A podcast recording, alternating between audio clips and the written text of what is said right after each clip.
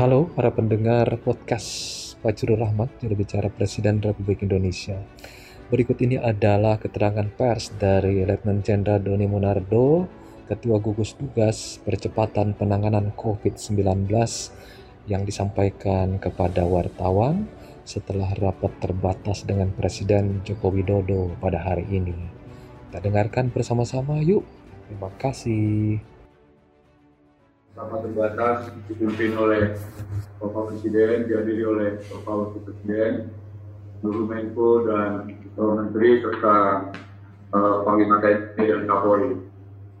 Uh, yang pertama uh, dapat disampaikan adalah Bapak Presiden meminta data-data dari daerah harus seluruhnya transparan dan gugus tugas telah meminta kepada gugus tugas provinsi kabupaten kota agar terintegrasi sehingga unsur-unsur yang ada baik dari kalangan TNI, Polri, dan BPBD itu bisa bersinergi dengan dinas kesehatan yang ada di kabupaten kota dan juga provinsi sehingga data yang dilaporkan itu bisa real time dan juga bisa lebih akurat. Kemudian yang kedua, Bapak Presiden juga telah memerintahkan untuk meningkatkan kapasitas PCR test. Demikian juga Bapak Wakil Presiden meminta supaya tes masif untuk ditingkatkan. Supaya ini sangat penting untuk bisa mengetahui masyarakat yang telah positif setelah dilakukan pemeriksaan sehingga bisa dilakukan langkah-langkah untuk uh, isolasi mandiri termasuk juga untuk uh, dirujuk ke rumah sakit tertentu. Kemudian juga disampaikan di sini perintah Bapak Presiden untuk meningkatkan kapasitas laboratorium yang semula hanya ada tiga, kemudian berkembang 12 dan saat ini 29 menuju ke 52 dari 79 laboratorium yang tersebar di seluruh tanah air. Demikian juga Bapak Mendestek, Kepala Badan Riset dan Inovasi Nasional juga telah membantu lembaga IKMAN agar kapasitas uh, pemeriksaannya ini juga bisa lebih uh, banyak lagi. Demikian juga beberapa swasta yang nantinya akan berpartisipasi dalam peningkatan PCR test uh, yang bekerja sama juga dengan Kementerian Kesehatan, kemudian juga dengan BUMN.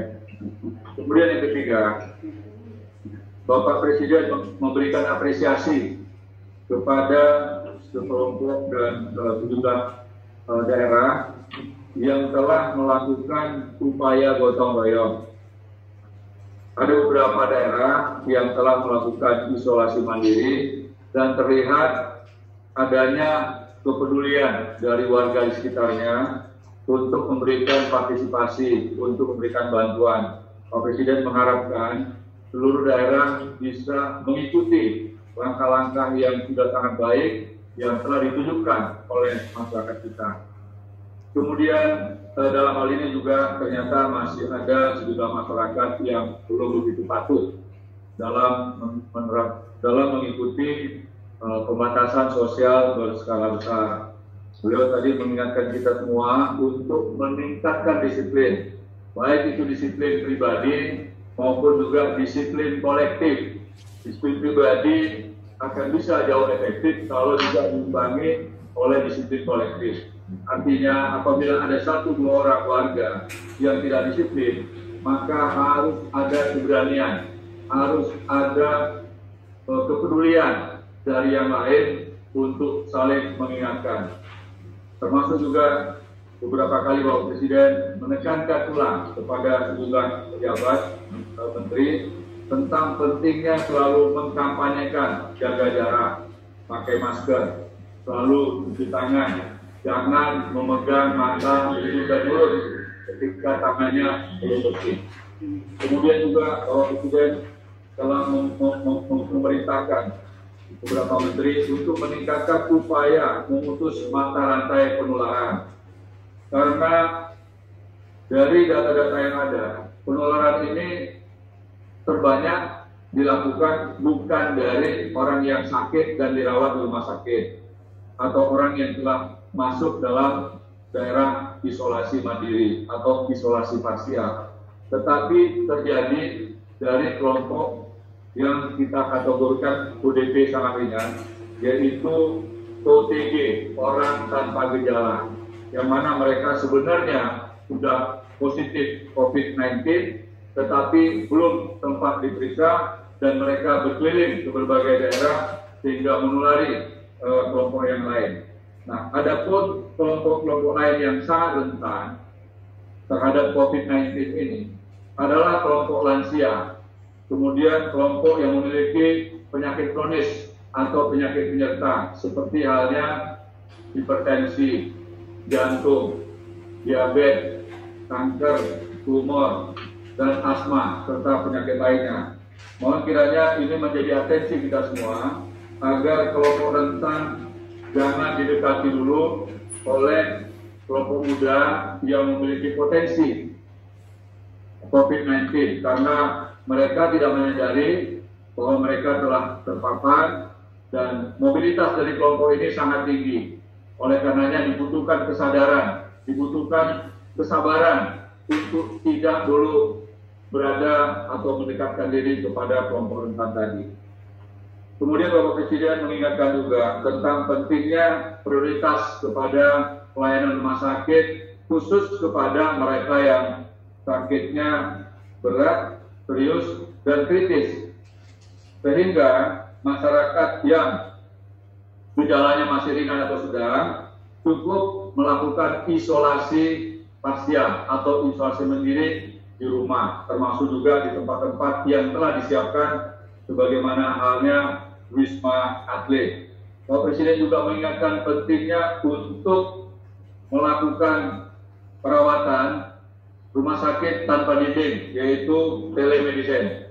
Dan ini sudah efektif, Bapak Menteri Kesehatan tadi sudah melapor kepada Presiden, ada sekitar 3.000 lebih pasien telemedicine, dan 30 orang setelah mendapatkan arahan dari para dokter yang berada di uh, lapis kedua ini, akhirnya uh, melakukan pemeriksaan dan ternyata positif. Dan dari 30 orang itu pun hanya dua orang saja yang dirujuk ke rumah sakit. Artinya peran dari para dokter ini sangat optimal, sangat baik sekali sehingga dapat mengurangi uh, uh, jumlah pasien yang datang ke rumah sakit. Kemudian Bapak Presiden juga menekankan tadi kepada Menteri KKP untuk memberikan bantuan kepada masyarakat-masyarakat yang ada di berbagai daerah dalam rangka meningkatkan imunitas tubuh. Salah satu adalah dengan memakan makanan ikan yang sehat Memakan makanan ikan yang sehat akan meningkatkan imunitas tubuh. Makanan yang bergizi akan membantu untuk bisa memiliki daya tahan terhadap COVID. Di samping juga tentunya supaya hati yang selalu uh, gembira, tenang, tidak panik, istirahat yang cukup, dan olahraga yang teratur. Kemudian juga perlunya kita memberikan penghargaan yang setinggi-tingginya kepada para dokter para perawat dan tenaga kesehatan lainnya sehingga penghargaan ini telah bisa meningkatkan semangat para dokter dan perawat dalam rangka pengabdian yang terbaik pada bangsa dan negara. Mereka telah mengorbankan waktu, pikiran, tenaga, bahkan nyawa kepada kita semua. Kemudian kekurangan dokter hari ini sudah mulai dirasakan di beberapa tempat yang pasiennya banyak. Adapun solusi yang dapat kami lakukan dari juga tadi sudah disampaikan untuk memberikan surat tanda registrasi dan peningkatan pelatihan dokter intensif yang jumlahnya mencapai 2.935 orang. Dokter dan Bapak Menteri Kesehatan tadi sudah mengatakan akan memberikan prioritas kepada uh, tenaga dokter sehingga mereka bisa praktek langsung uh, di lapangan. Ini juga akan mendapatkan perkuatan bantuan dari jajaran relawan. Sudah lebih dari 18.000 relawan yang sudah mendaftar dan eh, sebagian di antaranya adalah eh, para tenaga dokter dan perawat serta petugas laboratorium. Kemudian yang berikutnya kami sampaikan pada teman-teman wartawan bahwa APD yang telah terdistribusi ke seluruh provinsi kabupaten kota itu telah mencapai hampir 700 ribu pieces atau tepatnya sekitar 690 ribu dan ini akan kami tingkatkan terus, akan kami tambah terus supaya kebutuhan APD di daerah, terutama di rumah sakit, menjadi modal dasar, menjadi moral bagi seluruh uh, tenaga kesehatan, bersama dokter dan perawat, serta juga masyarakat lainnya.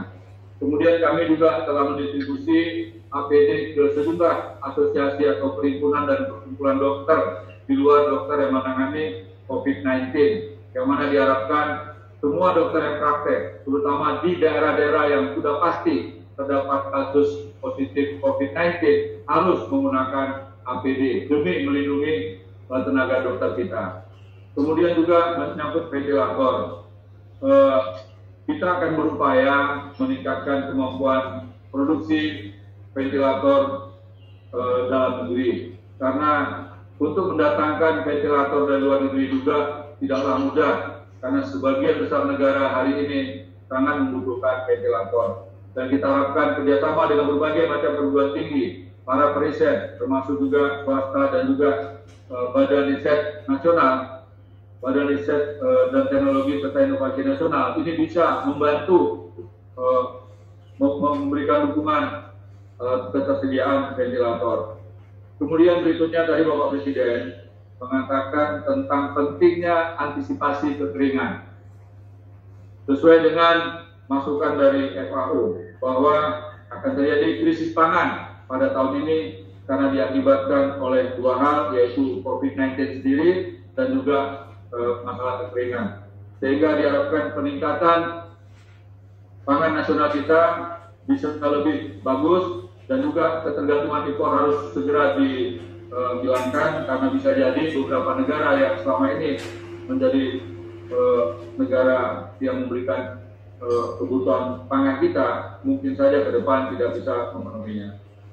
Kemudian untuk masyarakat yang sudah terlanjur mudik, ini sudah beberapa kali disampaikan oleh Presiden, untuk betul-betul melakukan isolasi mandiri atau isolasi parsial, terutama di tingkat RT, RW, dan juga desa atau kelurahan.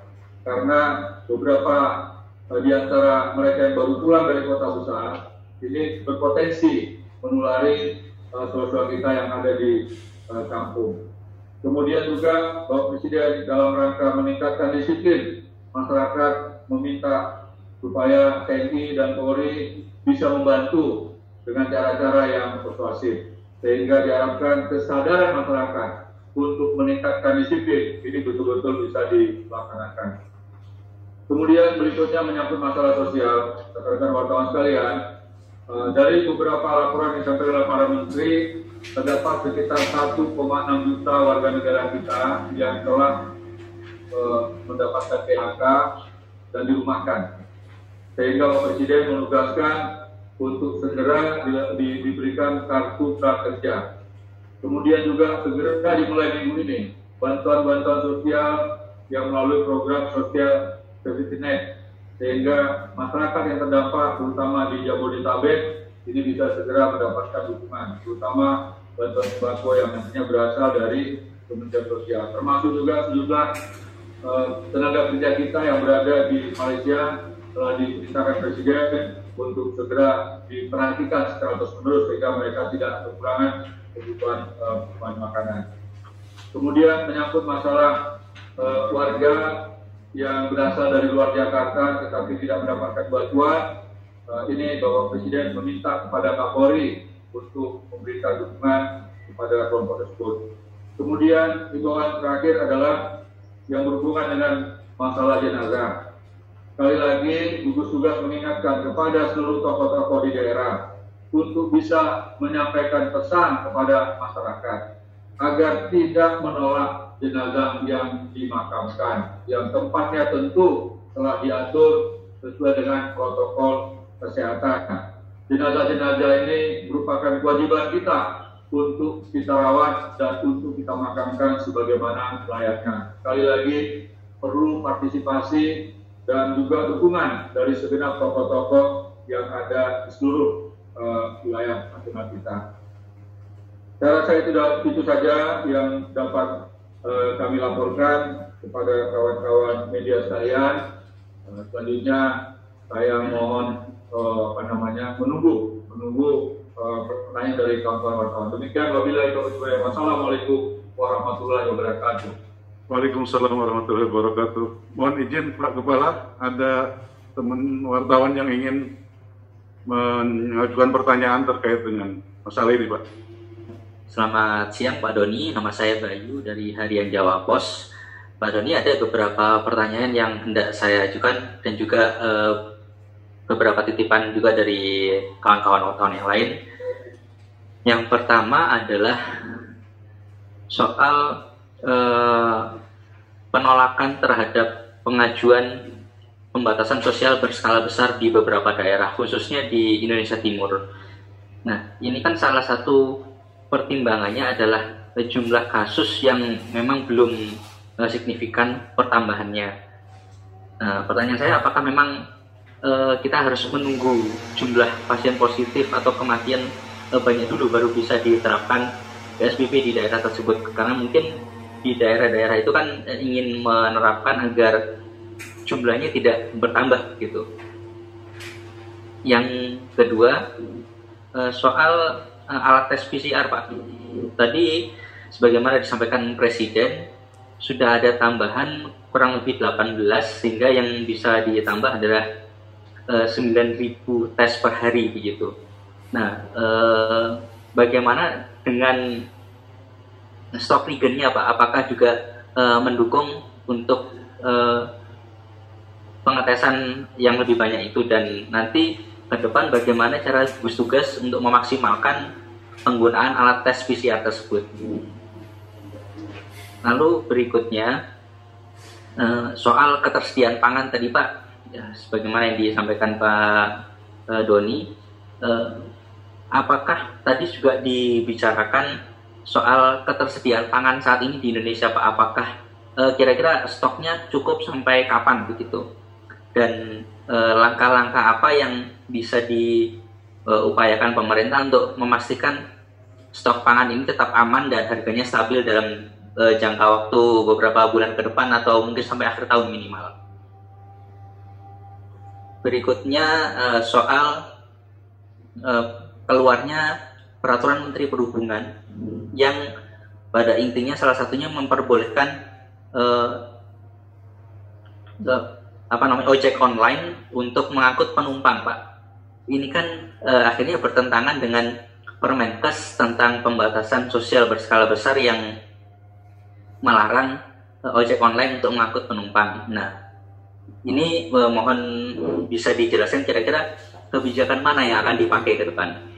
Lalu yang e, kelima, apakah ke depan akan dipertimbangkan untuk melakukan penegakan hukum terhadap warga yang tidak patuh pada pembatasan sosial skala berskala besar ini, Pak? Mengingat kalau e, yang Pak Doni sampaikan tadi, memang masih ada e, sejumlah warga yang tidak patuh, misalnya e, keluar tidak pakai masker ataupun e, keluar hanya untuk jalan-jalan, e, semacam itu. Dan yang terakhir uh, soal uh, pekerja yang di PHK tadi Pak, selain uh, diberikan kartu prakerja, apakah juga dibicarakan langkah-langkah uh, untuk jangka panjang tentang tentang nasib mereka Pak? Itu saja uh, pertanyaan dari kami Pak. Terima kasih. Selamat siang.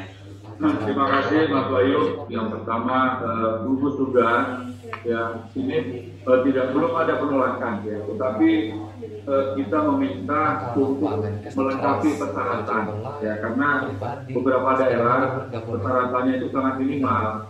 Ada yang memerlukan uh, untuk PSBB, tetapi uh, anggaran yang disediakan untuk pelaksanaan PSBB tidak sesuai dengan uh, kemungkinan biaya operasional yang harus dikeluarkan sehingga uh, diperlukan uh, penyempurnaan dan penambahan beberapa poin terutama menyangkut masalah anggaran dan kesiapan daerah tersebut.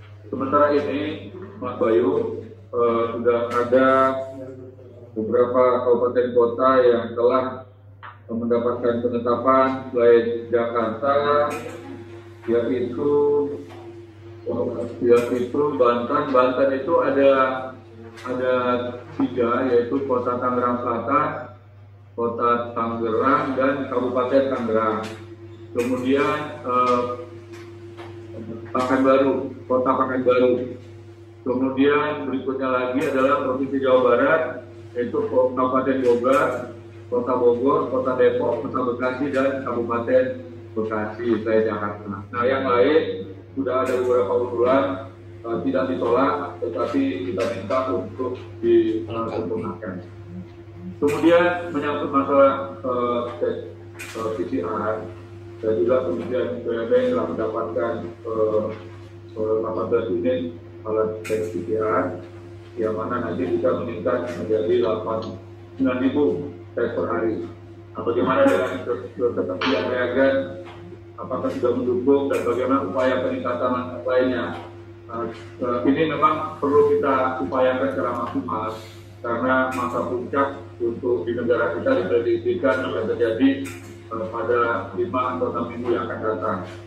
5 sampai 6 minggu yang akan datang, uh, berarti kita akan bertambah. Uh, gugus tugas juga telah menerima sejumlah permintaan dari swasta yang bekerja sama dengan uh, BUMN serta juga sudah mendapatkan dukungan dari Menteri Kesehatan untuk memanfaatkan salah satu uh, pihak di Enggak, turun uh, Beijing Institute yang nantinya akan membackup untuk peningkatan kapasitas uh, PCR. Jadi siap-siap kira tiga bulanan. Kemudian yang ketiga, sampai uh, ketersediaan pangan.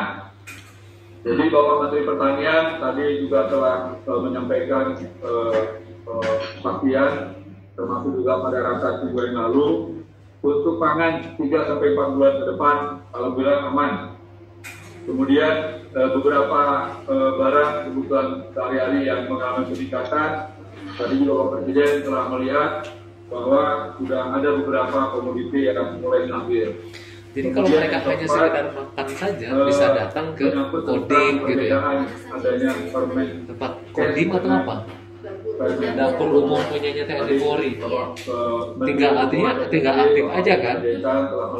Kemarin ada yang apa ke ke Instagram apa itu? oh Twitter. kalau menurut Islam harus diantar dicari diantar kepada mereka. jadi mereka yang aktif katanya kita yang harus diantar mereka program bantuan sosial ini berjalan selama intinya kita tetap mengacu kepada tidak bisa. dengan data mereka semua. aja nggak dapur umum. physical distancing di mana jaga jarak menjadi hal yang sangat jadi mereka yang pengennya duduk walaupun aturan yang telah dibuat oleh Permenhub ini juga menyangkut masalah ketentuan protokol kesehatan, kemudian uh, penyemprotan disinfektan, kemudian menggunakan alat pelindung dan sebagainya. Kemudian menyangkut masalah penegakan hukum, kalau di daerah itu yang paling banyak. Uh, kita berharap bahwa langkah-langkah penegakan hukum ini adalah langkah yang paling paling terakhir. Pendekatan kita adalah pendekatan jawab karena komunikasi. tentu juga benar kan. Ya? Saya sangat yakin manakala aparat penegak hukum dan juga komponen masyarakat lainnya dengan cara-cara yang bijaksana bisa mengingatkan masyarakat kita. Saya yakin rakyat kita pasti taat, pasti patuh. Karena ini semuanya dilakukan demi keselamatan diri sendiri dan juga keselamatan orang lain. Seseorang belum tentu dirinya aman, karena belum mendapatkan tes. Bisa saja yang bersangkutan itu sudah positif COVID-19, tetapi berada di sekitar daerah yang kehadirannya, mohon maaf, bisa menjadi penebar maut. Penebar maut bagi siapa? Bagi kelompok rentan. Siapa kelompok rentan itu? Adalah lansia, balita, dan mereka yang tadi sudah saya katakan memiliki penyakit kronis, hipertensi, kemudian e, jantung, diabetes, kemudian kanker, tumor, dan juga hari, uh, uh, asma serta beberapa penyakit kronis lainnya. Kalau ini uh, dibiarkan dan kelompok Berarti enam yang tadi eh, saya sebut dengan tadi sejak apa ini, kata-kata kita harus orang siap-siap. gejala ini berada di tempat-tempat yang eh, lagi. di sekitarnya terdapat sih? ini sangat-sangat berisiko. Oleh karena kesadaran individu harus bukan? dengan kesadaran kolektif. Mereka yang Tanggal menyadari 24 sebagai bagian dari kelompok rentan puasa. untuk selalu jaga jarak. Bapak Presiden sekali lagi mengatakan selalu tekankan sampai ke tingkat desa RT RW jaga jarak. Bahkan di rumah sendiri pun kita wajib untuk jaga jarak. Manakala kita sering keluar rumah. Nah, ketika kita keluar rumah, kita kembali ke rumah, belum tentu diri kita itu steril. Oleh karenanya sekali lagi penting sekali. Kalau toh harus dilakukan penegakan hukum, ya kita harapkan penegakan hukum itu merupakan langkah terakhir. Sejumlah kasus yang terjadi di beberapa negara terjadi upaya-upaya perlawanan dari masyarakat. Sekali lagi kita sangat berharap kerjasama dari segenap komponen bangsa kita Oh. bahwa upaya-upaya untuk meningkatkan kesadaran ini adalah hal- yang paling prioritas. Tadi juga saya laporkan kepada Presiden, rasio dokter kita dengan jumlah penduduk ini sangat kecil. Karena walaupun WHO menentukan satu dokter untuk 2.300 orang, tetapi dalam kondisi pandemi seperti sekarang ini, pada waktu yang bersamaan kita sangat membutuhkan tenaga dokter, tenaga perawat, dan ini pun harus kita lindungi. Kalau semakin banyak masyarakat yang berobat dan akhirnya dirawat, maka ini akan mengurangi ketahanan nasional kita di bidang kesehatan. Oleh karenanya pentingnya meningkatkan disiplin agar semakin sedikit warga kita yang terpapar virus ini dan semakin sedikit mereka yang menjadi korban akibat COVID ini. Kemudian menyangkut eh, masalah eh, langkah-langkah untuk eh, masyarakat yang kehilangan pekerjaan, eh, tadi sudah disampaikan oleh eh, Tunggal Menteri kepada Presiden, ada beberapa peluang untuk eh, menciptakan lapangan kerja. Jadi mudah-mudahan ini juga menjadi solusi setelah COVID-19 ini berakhir. Saat inilah kita harus sabar, kita sadar, kita semuanya harus menahan diri untuk nantiasa mengikuti anjuran-anjuran yang telah diberikan oleh pemerintah pusat, termasuk para tokoh-tokoh dari pusat sampai ke daerah.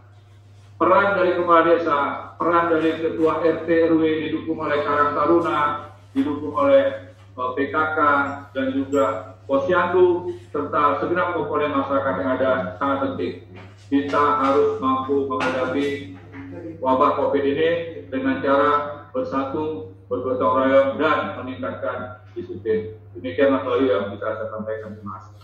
Luar. Cukup Pak. Ini Pak Kepala, terima kasih atas kesempatannya. Assalamualaikum warahmatullahi wabarakatuh. Dari Kementerian Desa. Waalaikumsalam warahmatullahi wabarakatuh. Salam tangguh, salam tangguh, salam tangguh, salam kemanusiaan.